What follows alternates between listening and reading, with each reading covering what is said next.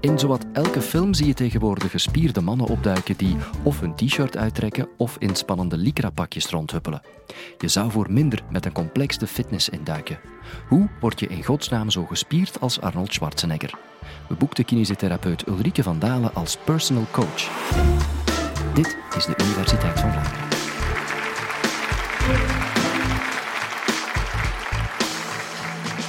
Bent u ooit naar de fitness getrokken voor een meer gespierd lichaam te krijgen? Ja, u bent niet alleen, zoals u hoort. En het is ook van alle tijden, want reeds bij de Grieken en de Romeinen was een gespierd lichaam een schoonheidsideaal. En ook vandaag de dag is dat nog altijd aan de orde. Denk maar aan onze films, met onze filmsterren in, met een sixpack en gespierde armen en benen, zoals Arnold Schwarzenegger. Wil u ook Arnold Schwarzenegger worden? Dat is de vraag van vanavond. Wel, om op die vraag te kunnen antwoorden, ga ik u iets meer vertellen over de spieren in ons lichaam. In ons lichaam hebben wij eigenlijk allerlei soorten spieren. Maar we hebben vooral veel skeletspieren. En skeletspieren, we hebben er 640, zelfs iets meer, zijn spieren die aanhechten op onze botten die we bewust kunnen aanspannen en ontspannen en die ons doen bewegen. Dus dat zijn spieren die we kunnen gaan trainen, in de fitness bijvoorbeeld. We gaan eens inzoomen op de samenstelling van zo'n skeletspier. Een skeletspier hecht met de pees aan het bot en heeft een spierbuik. En die spierbuik bestaat uit verschillende spierbundels. En zo'n spierbundel bestaat uit individuele spiervezels. En een individuele spiervezel is eigenlijk onze spiercel. En die wordt opgebouwd door myofibrillen. Dat zijn eiwitten, actine en myosine. En die actine en myosine, die eiwitten, die kunnen in elkaar glijden en dan wordt onze spier korter. En die kunnen uit elkaar glijden en dan wordt onze spier terug langer. Die myofibril die geeft eigenlijk vorm en structuur en bewegelijkheid aan onze spiercel. Okay, we weten nu hoe dat onze spier eruit ziet, maar hoe gaan we die trainen? Ik ben zeker dat er ooit iemand tegen u heeft gezegd ik ben al een paar weken aan het trainen en kijk eens, ik heb meer spieren gekregen. Eigenlijk heeft die sporter niets meer gekregen in de zin van hij heeft niet meer spiervezels of spiercellen gekregen. Wat er is gebeurd is dat zijn spiercel dikker is geworden. Waarom? Er zijn meer eiwitten gekomen in de spiercel. En als heel veel spiercellen meer eiwitten krijgen, dan gaan we dat van buitenaf kunnen zien. Dan zien we van buitenaf dat die spier dikker is geworden. De wetenschappelijke benaming daarvoor is spierhypertrofie. Goed, we weten nu dat we meer eiwitten in die spiercellen moeten krijgen om er gespierder uit te zien. Hoe gaan we dat aanpakken? Het begint met een mechanische prikkel. En een mechanische prikkel is bijvoorbeeld een perfect voorbeeld is het heffen van een zwaar gewicht. Als we een zwaar gewicht gaan heffen, dan geven we een prikkel aan onze spier. En op dat moment gaan die spiercellen met elkaar communiceren. Die praten tegen elkaar, zeggen oké, er gebeurt iets en we moeten hè, samentrekken, want anders valt uw halter gewoon terug op de grond. En dat is niet de bedoeling. Dus we gaan de cel laten communiceren en het resultaat is dat er een adaptatie is van onze spiercel. Er komen meer eiwitten in de spiercel. Nu, hoeveel gewicht moet je heffen alvorens die spiercellen met elkaar gaan communiceren? Als ik een glas water ophef, dat is een heel licht gewicht, dan heb je een mechanische prikkel en dan ontstaat er communicatie tussen de spiercellen. Maar er zijn weinig spiercellen die hier gehoor aan geven. Als ik een heel zwaar gewicht ga heffen, dan gaan heel veel spieren betrokken worden in die communicatie. En dat is eigenlijk wat we willen bij krachttraining, want we willen zoveel mogelijk spiercellen aanspreken. In een trainingswereld spreken we de hoeveelheid kracht dat je moet heffen in een percentage van één repetition maximum. En een repetition maximum is het maximale gewicht dat je één keer kan heffen. Daarvan nemen we bijvoorbeeld 60 procent. Dat is al behoorlijk hoog. En we gaan beginnen met dat gewicht te heffen. Oké, okay, de mechanische prikkel is gegeven. De spiercellen beginnen met elkaar te communiceren.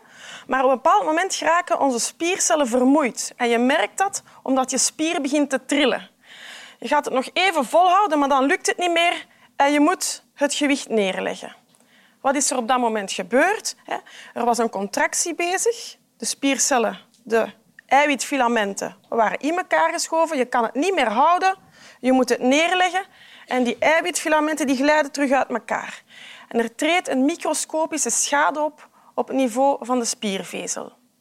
Nu, die vermoeidheid en die microscopische schade is eigenlijk wel belangrijk om die adaptatie te krijgen. Want ons lichaam gaat erop reageren door één, de schade te herstellen en twee, het wil zich beter voorbereiden op de volgende mechanische prikkel. Dus het gaat meer eiwitten aanmaken, want die eiwitten zorgen ervoor dat we de contractie kunnen uitvoeren. Dus je hebt meer eiwitten gekregen. Na anderhalve dag, twee dagen is eigenlijk een perfect moment om een nieuwe mechanische prikkel te gaan geven. Want we hebben meer eiwitten gekregen en we herhalen het hele proces. En daardoor komen er weer meer eiwitten in de spiercel.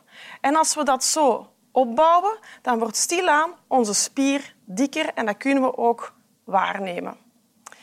Nu, hoeveel keer kun je dat gewicht heffen voordat je spier begint te trillen? Dat hangt af van de hoeveelheid energie die aanwezig is in de spier. En we hebben eigenlijk verschillende energiebronnen, zal ik het maar zeggen, energiereservoirs aanwezig in onze spier. Eerst wordt de vrije ATP gebruikt. Vrije ATP geeft heel snel energie om die filamenten in elkaar te laten schuiven. Enkele seconden maar. Als dat opgebruikt is, dan hebben we creatinefosfaat in onze spier. Een tweede energiebron. En die gaat ervoor zorgen dat we verder kunnen met ons gewicht. Een twintigtal seconden. Op een bepaald moment is ook dat opgebruikt. Maar we hebben ook in onze spieren suikers opgeslagen. En die suikers die zullen verbrand worden zonder dat er zuurstof bij aan te pas komt. We spreken over een anaerobe verbranding. En dat gaat terug energie leveren. En dan hè, kunnen wij eigenlijk onze beweging uitvoeren. Nu, als we echt zware krachttraining uitoefenen, zijn het vooral die eerste twee reservoirs die worden aangesproken. Ik ben ook zeker dat er in de zaal mensen zitten die ooit een fitnessabonnement hebben genomen en met vol goede moed naar de fitness trokken en eerste trainingsschema helemaal afgewerkt, trots op wegen, naar huis gaan slapen. Volgende dag dan sta je op en heel je lichaam doet pijn. Alles doet pijn. Elke spier dat je gisteren gebruikt hebt, is nu pijnlijk. Dat komt door die microscopische schade die je hebt opgelopen. Dat zorgt dat je de dag nadien en de dagen nadien pijn kan hebben. Maar als u echt zo ontzettend veel last heeft, dan heeft u zichzelf werkelijk overbelast. En dan kan u één, anderhalve dag tot twee dagen later heel moeilijk een volgende prikkel geven, want u moet nog recupereren. U kan niet genieten van dat moment van supercompensatie.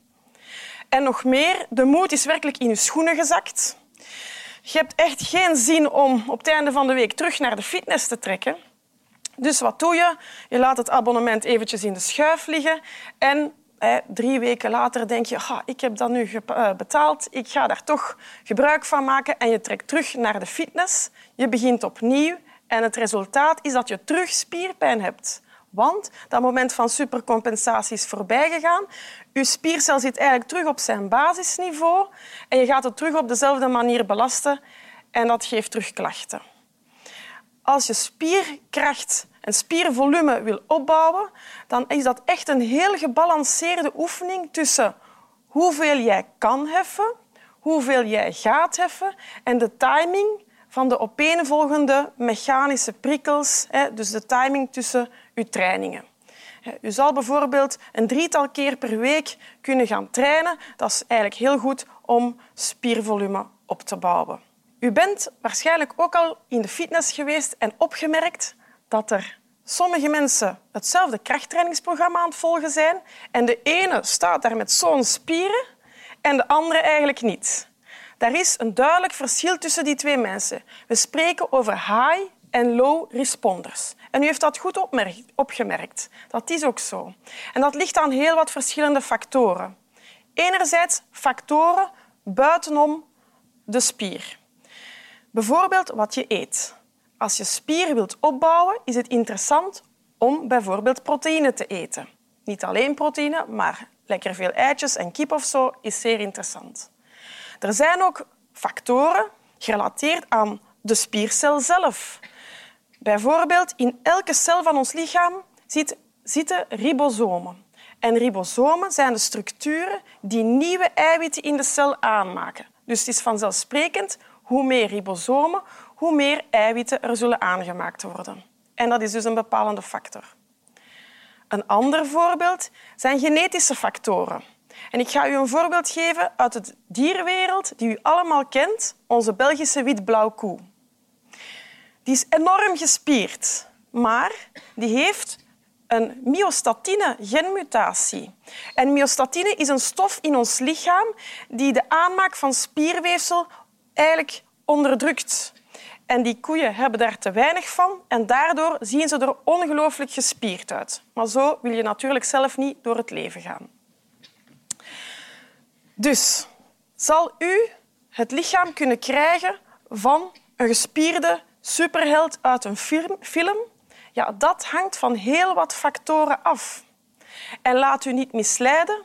Er zijn mensen die naast een geschikt voedings- en trainingsschema de natuur ook wel een handje helpen.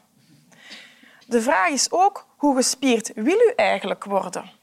Want naast spierkracht is coördinatie en uithouding ook heel belangrijk. Een mooi, natuurlijk gespierd lichaam nastreven is prima. Maar niet iedereen kan het lichaam krijgen van een gespierde superheld. En dat is ook prima. Hou het vooral gezond. Laat die anabole steroïden dus maar staan en zorg ervoor dat het allemaal gezond blijft. Ik wil er in elk geval niet uitzien als een gemuteerde koe. Jij toch ook niet?